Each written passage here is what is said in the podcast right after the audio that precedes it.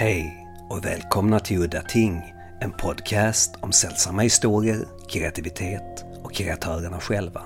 Mitt namn är Henrik Möller, musiken var skapad av Testbild och loggan till podden är gjord av Malmökonstnären Nalle Chinsky. Det här avsnittet ska handla om filosofen Spinozas filosofi som vägledning i kreativiteten.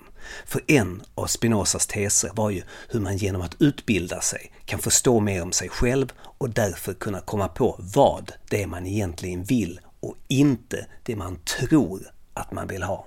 Till exempel så tänker jag osökt på folk som kommer fram till mig och säger att jag skulle vilja göra en film eller jag skulle vilja skriva en bok. Men sen så visade det sig att de har ingen aning om vad den skulle handla om och de har inga idéer och till slut så kommer det fram att de egentligen inte tycker det är speciellt kul. De vill egentligen åt belöningen om man får kalla det så. Alltså någon sorts av erkännande eller berömmelse.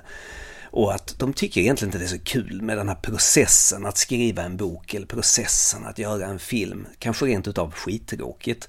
Och det är ju då de här människorna måste komma på vad är det de verkligen tycker att det är roligt och göra det istället. Det var ju bara ett kort exempel, vi ska gå in mer på detta senare men bara nu för att ni ska förstå vart vi är på väg någonstans. Nu tycker jag att vi går direkt in på dagens gäst. Docent i utbildningsvetenskap, filosofen Johan Dahlbäck som har skrivit flera böcker om Spinoza och ni kan hitta dem i webbshopparna om ni är intresserade. Bara söka på Johan Dahlbäck. Eh, jag ska låta Johan inleda med en kort beskrivning om vem Spinoza egentligen var. Spinoza var eh, filosof, eh, 1600-talsfilosof. Han föddes 1632 och dog 1677 så att han blev ju inte supergammal. Han, han dog när han var lika gammal som jag är nu, det vill säga han hann inte fylla 45. Han var en så kallad upplysningsfilosof och det hänger väl mest ihop med att han levde under den perioden. Men det hänger väl också ihop med att han började sin karriär, om man nu kan kalla det karriär som filosof, så började han den genom att kommentera Descartes som var liksom den store upplysningsfilosofen under den perioden.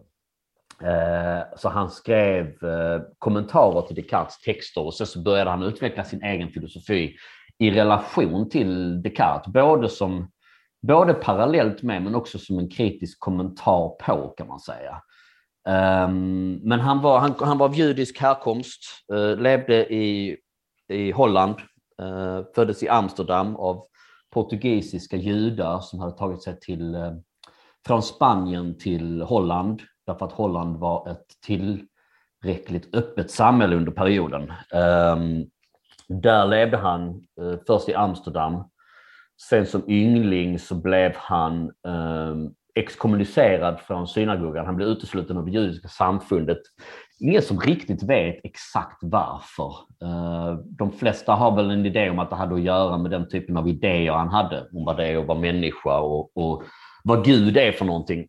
Men det finns liksom inte riktigt belagt. Det kan också ha haft med andra saker att göra. Men, men den här exkommuniceringen, den så kallade cherem, eh, den var liksom formulerad i extremt orda, eh, hårda ordalag.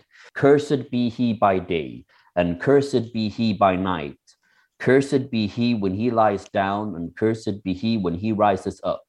Cursed be he when he goes out and cursed be he when he comes in. The Lord will not spare him. But the anger of the Lord and his jealousy shall smoke against that man, and all the curses that are written in this book shall lie upon him. And the Lord shall blot out his name from under heaven. And the Lord shall separate him unto evil out of all the tribes of Israel, according to all the curses of the covenant that are written in this book of the law. But you that cleave unto the Lord your God are alive, every one of you, this day.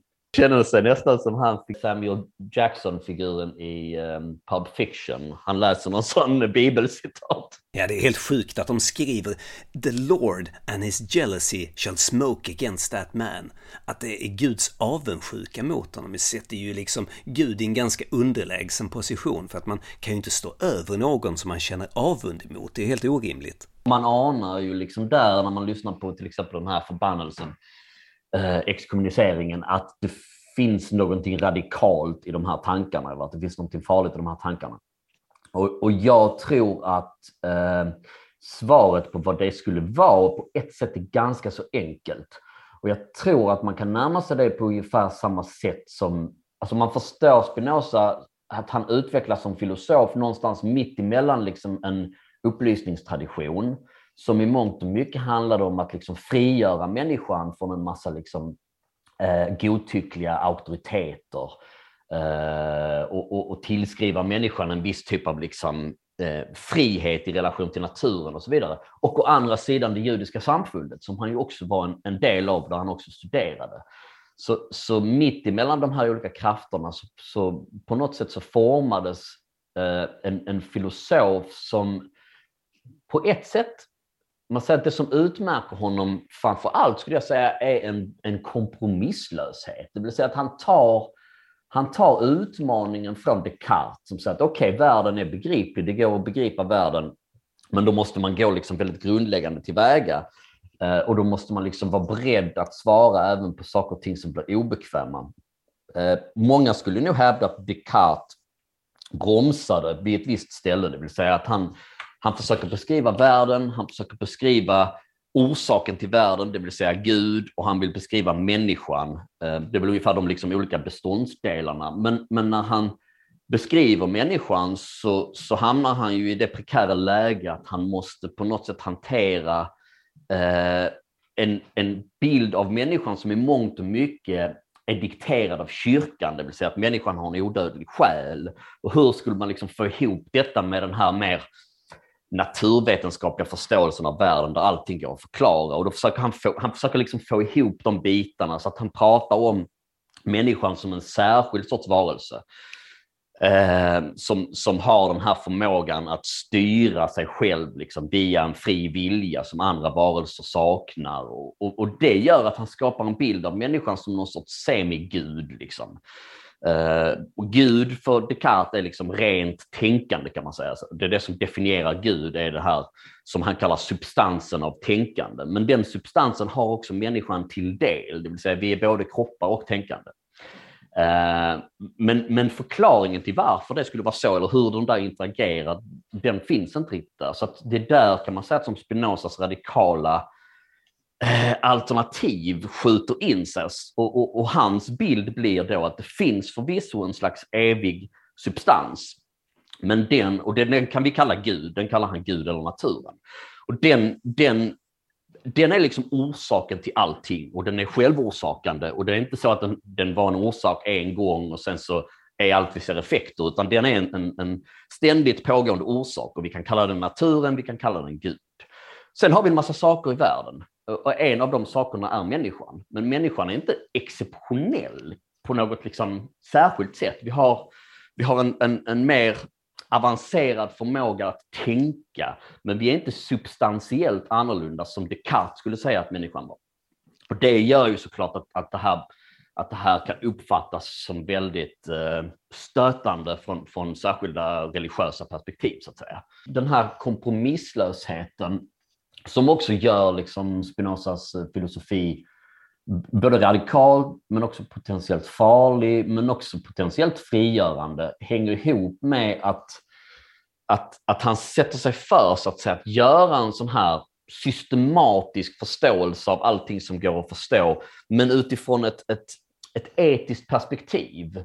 Så att i, i några av hans tidigare texter, de som finns kvar, han publicerade ju inte eh, supermånga texter under sitt liv, utan egentligen så, och han, framförallt hans mest kända text, Etiken eller bok, den publicerades ju inte förrän efter att han var död.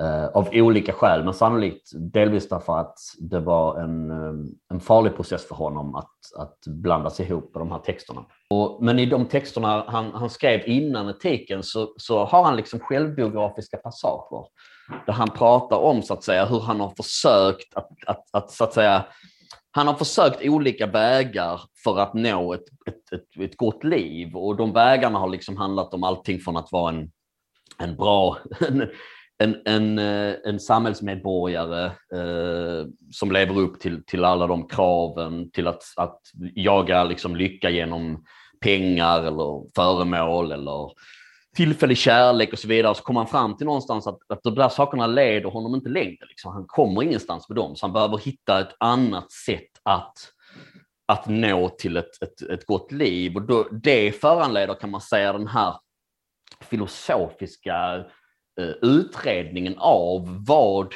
vad, vad är då ett gott liv och hur kan vi nå dit? Och han, hans slutsats blir att det hänger ihop med vår kunskap om saker och ting. Att det vill säga att ju, ju bättre kunskap vi får om världen, desto mer aktiva blir vi, desto mer orsakande blir vi och desto mindre liksom bara reaktiva. Och ju mer orsak vi blir, desto, desto bättre lever vi helt enkelt. Och där han har en slags idé om principen som driver alla ting i världen. Han kallar det för konatus. Konatus är liksom den här drivkraften att fortsätta existera i världen, men inte bara liksom att, att sträcka ut sin existens i tid, utan att existera mer, att existera bättre. Och det hänger ihop med det här liksom att i vilken grad vi är aktiva. Um, och, så att, och för att liksom, liksom kunna bygga upp den här bilden så börjar han just med en sån liksom, första delen av den här boken som heter Etiken, som man skulle kunna tro handlar om levnadsregler. Den börjar med, med en del som är, kort och gott heter Om Gud. Vad är då Gud? Det är där han lägger fram den här idén om att Gud är en självorsakande substans som finns, eh, som, som skapar allting, eh, fortsätter att skapa allting hela tiden. Det vill säga att när vi pratar om, om, naturen så är det inte någonting utanför oss, utan det är en sorts ordnande princip, en sorts skapande princip. Men vi är också del av den. Så vi kan också bli mer aktiva desto mer vi förstår den, så att säga. Så det blir den själva etiska utgångspunkten är att om, om enskilda människor kan försöka utifrån sina perspektiv förstå bättre hur de påverkas av världen, vad som är bra för dem, vad som är dåligt av dem, då blir de mer aktiva. Så att, och det där är ett projekt som du kan sätta in i väldigt olika sammanhang. Så man kan ju tänka på det som ett väldigt intellektuellt projekt för enbart för filosofer. Men det är inte riktigt så Spinoza tänker på det eftersom att han också är en så kallad kroppsfilosof, det vill säga han, han gör ingen han gör ingen substantiell skillnad mellan kropp och själ, utan de här hänger ihop för honom. Det betyder också att om vi ska förstå någonting så måste vi också förstå hur våra kroppar reagerar, hur vi, hur vi påverkas eh, känslomässigt och affektivt av olika saker vi möter. Och det kan vi ju göra, det är inte, det är inte säkert att filosofen gör det bättre än, än, än vilken annan människa som helst, så att säga. Och det kräver inga särskilda rum eller det kräver inga särskilda instrument, utan det kan man göra med sig själv i sitt möte med världen. Och det blir, kan man säga, hans, liksom, hans väg in i att formulera ett slags um, självutvecklingsprojekt för människor. Där man med utgångspunkt i var man är och, och vem man är kan börja försöka förstå vad man mår bättre av, sämre bra av och sen så att säga justera eh, sitt liv efter det. Och det hänger också ihop med förmågan att kunna liksom så känna igen vad det är som är eh, vad som är fördelaktigt för en, vad man mår bra av. Så att eh, jag, ofta kanske vi gör så att vi söker, söker saker som vi tänker ger oss en, eh, en, en kick eller en push i en positiv riktning, men sen kan de där sakerna få bakslag och det kan visa sig att de är väldigt så att säga, kortsiktig glädje för oss och så, så efter ett tag så, så är det snarare negativt eller, eller vi lider en massa sviter och så vidare. Så att en stor del av detta kommer också då handla om så att, säga, att, att bli bättre på att identifiera vad det faktiskt är som jag mår bra av. Skulle du kunna utveckla och ge lite exempel på det här nu med självkännedom genom kunskap? Ett exempel skulle kunna vara att vi eh, förmodligen så att säga i, i grundläggande biologisk bemärkelse söker oss efter söta saker därför att söta saker i naturen också ofta är bra för oss, det vill säga söta bär eller söta frukter och så vidare. Eh, vi undviker beska saker därför att beska saker ofta kan ha dåliga effekter för våra kroppar eller kan vara giftiga och så vidare. Så där finns någon slags grundläggande sån princip. Så i grund och botten är det bra för oss att söka oss eh, efter söta saker och att undvika beska saker. Sen har vi ju liksom manipulerat det här med smaker, så, att, så att skulle vi applicera det idag så skulle man ju kunna säga att nej, men det bästa är bara att äta lösgodis då, därför att det är ju sött och så undvika beska saker. Men det stämmer ju inte, därför att de här, har liksom, de här impulserna har korsats på något sätt. Så, att, så att då, därifrån kan man också tänka sig att då måste man också så att säga träna om sig själv och förstå vad är det som faktiskt är bra för mig och vad är det som är dåligt för mig. Och det går inte bara då att, så att säga, smaka sig fram, utan jag måste också så att säga erfara saker och ting och, och, och, dra lärdomar av de erfarenheterna. Och det där är ju vansinnigt mycket svårare än, än vad det låter. Det är någonting som alla människor, tror jag, kämpar med mer eller mindre dagligen, alldeles oavsett vad det är vi, vi, vi eh, tänker att det här vill vi ha eller det här vill vi inte ha. Så att säga. Men där kan man säga att, att där lägger eh, Spinoza ganska mycket kraft på att, att att erbjuda bjuda olika sätt att tänka kring hur vi kan lära oss det där. Hur vi kan lära oss att, att faktiskt känna igen det som är bra för oss och att söka oss mot det och att undvika sånt som inte är bra för oss.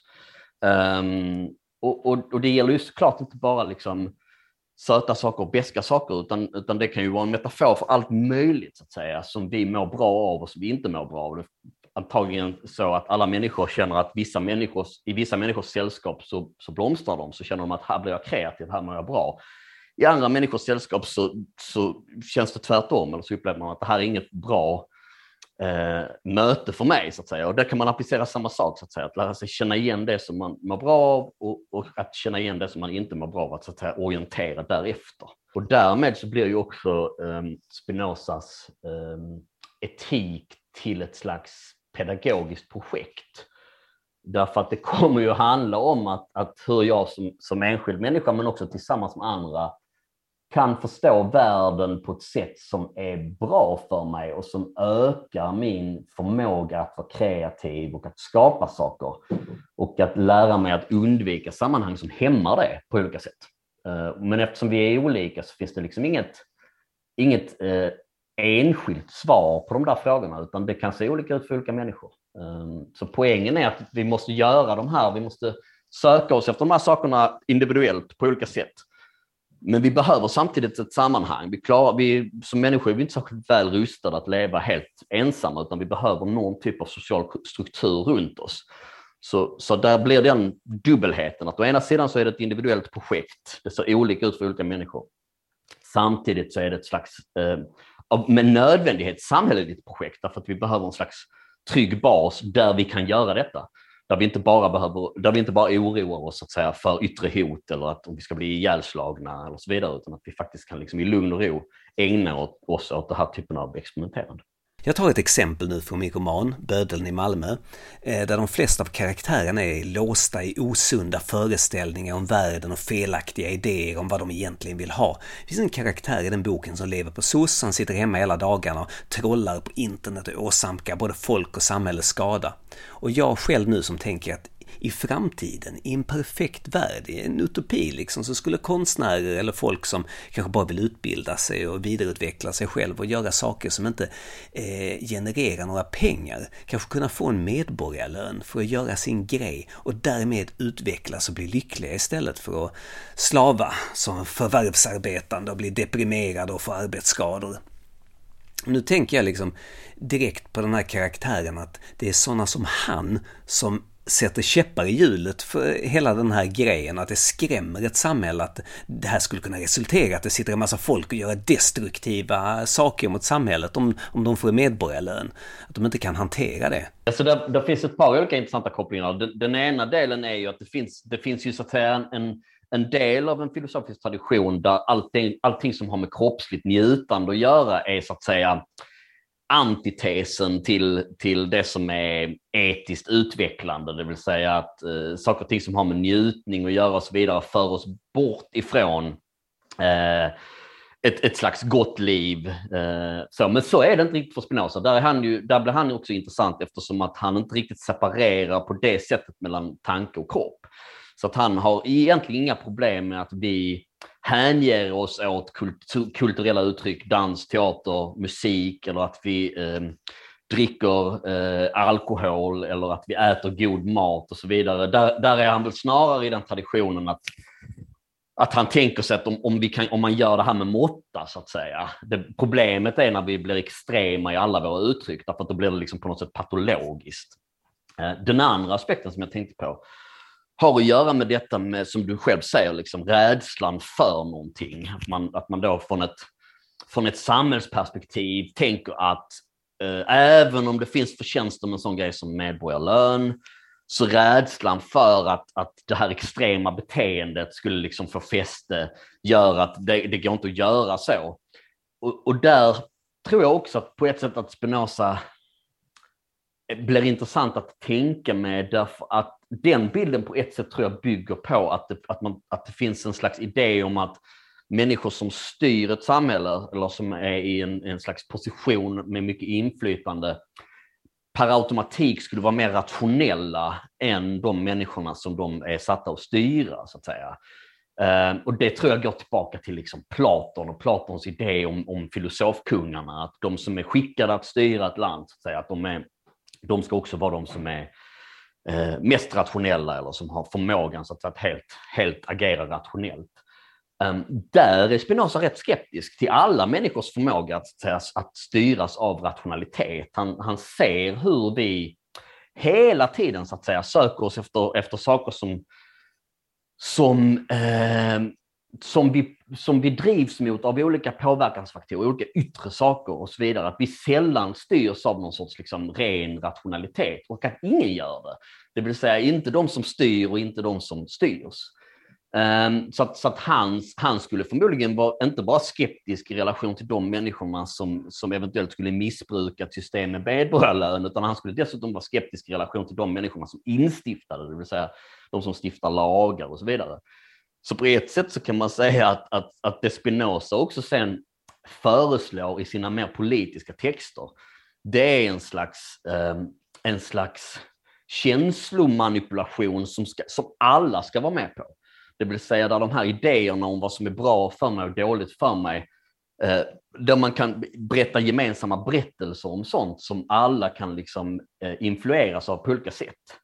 Eh, men det bygger inte på att det finns några få upplysta liksom, som, som är vänliga nog att upplysa massorna, utan, utan det blir snarare ett slags kollektivt eh, manipulationsprojekt skulle man kunna säga. Eh, men, men jag tror absolut att, att den här idén om att din, din grundläggande idé om att det människor behöver också kan, kan komma ur deras egna drivkrafter. Eh, det tror jag definitivt att det skulle liksom, det kan man, det kan man eh, få ihop med Spinozas bild av det här experimenterandet, att var och en måste liksom utforska eh, vad som leder till kreativitet. Och kreativitet i den här bemärkelsen är ju också förmågan att, så att säga, skapa. Att inte bara reagera på intryck utifrån utan också skapa egna intryck. Um, och, och, det kräver ju tid. Alltså så att en sån sak som medborgarlön skulle ju kunna skapa förutsättningar för det. För ett problem med det där är kanske annars att att vi lever i ett samhälle där vi inte riktigt har tid att, att experimentera med de där sakerna, testa de där sakerna. Att, om det nu är att, att, testa att skriva en bok eller att göra en film eller vad det nu kan vara, så att, säga, att, att det hela tiden hamnar i, i skymundan eller i andra hand. Men att, att Spinoza, från Spinozas sätt att tänka så är det där egentligen grundbulten i, i vad det är att vara etisk. Så, att säga. så då borde det vara det som vi som samhälle ska beskydda.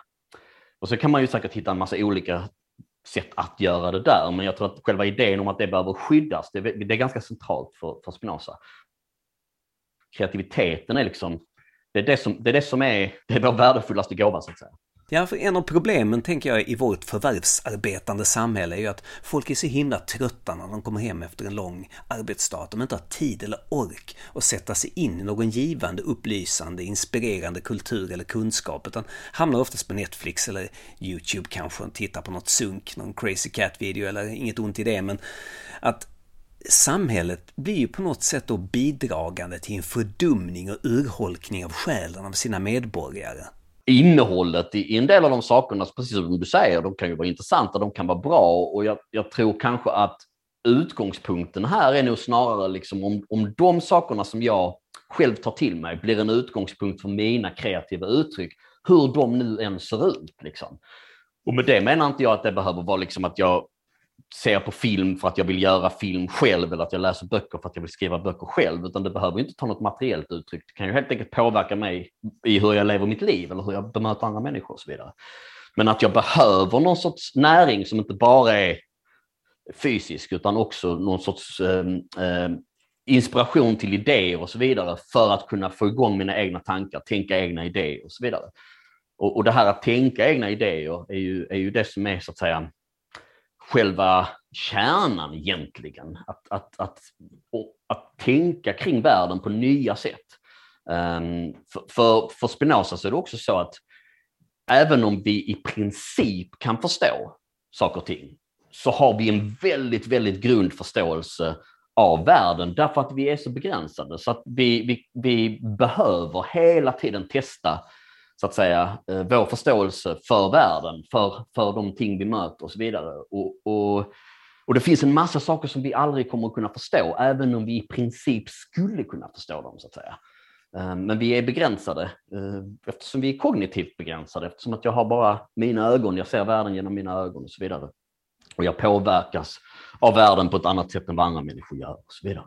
Det är ju ett modernt tänk att om man tänker nu på att den tiden var ju så präglad av religion vars budskap predikar om sanningen. Det finns en sanning liksom som alla måste förstå och en väg som Gud har bestämt som gäller alla människor. Och så kommer Spinoza och säger att sanningen är individuell och att eh, det som får en människa att må dåligt kan få en annan människa att må bra. Att man måste förstå sig själv. Det är, det är ju modernt och på ett sätt så kan man säga att, att han...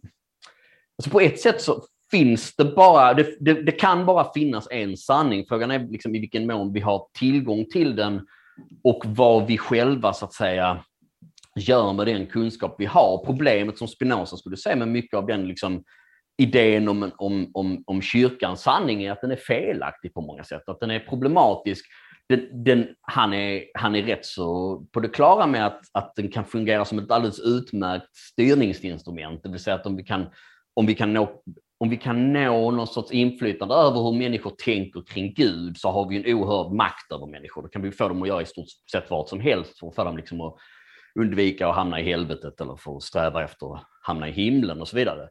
Men i, i grunden så menar han att det här är en, en, en felaktig bild av Gud. Det, det, är inte en, den hänger inte ihop, liksom, för den bygger också på en bild av en, en skapande Gud som fungerar precis som en människa, det vill säga som, som drivs av, av, av eh, känslor och så vidare. Och det, det går inte ihop med den här bilden av en allsmäktig kraft. Så att hans allsmäktiga kraft blir ju helt avpersonifierad. Det blir liksom en, en, en princip, en orsakande princip. Och, men poängen där med sanningen är att vi kan förstå den principen, eller vi kan förstå den bättre därför att vi är ett uttryck för den. Så att ju bättre vi förstår oss själva, desto bättre förstår vi principen för vår värld, så att säga. Men vi kan aldrig nå en fullständig förståelse av den, för om vi skulle göra det, ja då skulle vi, liksom, i praktiken skulle vi bli Gud. Vi skulle sluta vara, det som definierar oss som enskilda människor är just de här begränsningarna. Eh, att vi inte har tillgång till den typen av, av kunskap. Men den, för Spinoza så finns den där. Andra kanske skulle säga att det, det, finns ingen. Men den finns där, det är bara det att vi har, inte, vi har den inte inom räckhåll helt och hållet. Men vi kan försöka att stegvis närma oss den. Och det här är också intressant för att han menar att ju bättre vi blir på det, att stegvis närma oss den, desto, mer, desto större bit av oss blir odödliga. Och då menar inte han odödlig i bemärkelsen en, en, en, en själ som separeras från kroppen och sen lever vidare med personliga minnen och så vidare, utan då menar han att de idéerna som vi skapar, de idéerna, de, de, är inte begränsade av tid och rum, utan de lever kvar. Eh, och genom dem så får vi så att säga en, en bit av oändligheten, men, men det hänger inte alls ihop med att vi skulle liksom därmed leva kvar som medvetande varelser, utan det, det, de, de här idéerna, den delen av oss, de kan nå någon sorts odödlighet och det blir den ultimata så att säga, etiska strävan, att bli odödlig. Men det, det, blir, det är konstigt att prata om det därför att man tänker på odödlighet ofta i, i termer av liksom den odödliga själen och så vidare och det är inte alls på det sättet. Eh, så att han, han leker på ett sätt med den världen som människor är vana vid men så, så, så vänder han på den helt och hållet. Och återigen så tänker jag att där kommer vi tillbaka till det här, vad är det som gör det här? Vad var det som gjorde detta problematiskt till exempel för, för företrädare för kyrka eller för det judiska samfundet? Ja, antagligen så finns det någonting i de här idéerna om odödlighet och sånt som, som man uppfattar som, som helt enkelt blasfemiska, som, som eh, farliga tankar för människor att, att umgås med. Det som blir tydligt när jag har talat med djupt religiösa människor är att de gärna vill delegera ansvar och kunskap till någon annan. Liksom, varför ska jag veta det här och det här är utanför min profession? Och, visst, det är svårt att behöva lära sig massa nya saker och ta ansvar. Men alltså, det ansvaret att ha vissa kunskaper och viss förståelse som vi idag i en demokrati i Sverige behöver ha, liksom, för att kunna bevara, just för att bevara den demokratin. Eh, men också för att kunna självreflektera och få bättre kontroll över våra liv. Men jag måste tillägga att när jag pratade med Annika Sandén, som är 1600-talshistoriker, så talar hon om den här märkliga dubbelheten i att Å ena sidan så trodde man ju då på häxor i deras magi på den tiden och det skulle ju utplånas. Men å andra sidan så skulle folk sluta upp med att vara vidskepliga. Det har ju kyrkan bestämt. Folk ska sluta vara vidskepliga. För det här med häxor, det var ju, alltså det var ju troligtvis kloka kvinnor som hade kunskap om läkande örter och sånt som kunde bota sjukdomar medan kyrkan menar att det var vidskeplighet och det var och det, det, var ingenting som funkade det här med örter och sånt där för att ingen kunde stå över Gud. Det var Gud som bestämde om en människa skulle dö eller leva efter en sjukdom. Vi har potential att bli Gud själva så att säga, så det är en oerhörd, en oerhörd um, utmaning av också det, liksom, kyrkans sätt att strukturera kunskap i relation till Gud, att, att, att, att att det finns en viss så att säga, relation mellan de här olika stationerna. Det finns vissa människor som är särskilt utvalda att förstå Gud och så vidare. Eh, profeter till exempel. Egentligen har du ju samma figur där, för de människorna skulle då vara bättre skickade att tala om för människor vad de mår bra av och vad de inte mår bra av. Problemet som Spinoza ser här är att de människorna, det vill säga profeterna, de, de är inte fullt rationella varelser, utan de är som vilka människor som helst. Så att de använder det här för att få människor att agera på ett sätt som är fördelaktigt för dem själva, såklart. Eh, så, att, så att, att, att, öppna upp den här metoden för andra människor blir ju farligt, för att det, det visar ju lite grann vad är det för verktyg man använder. Det var precis på det sättet som Spinoza uppfattade till exempel en sån som Machiavelli som skrev den här boken Fursten som många menar är liksom Eh, en, en slags guidebok till åt förtryckare. Men Spinoza menade precis tvärtom att nej, den här boken är briljant för att den visar hur instrumenten fungerar.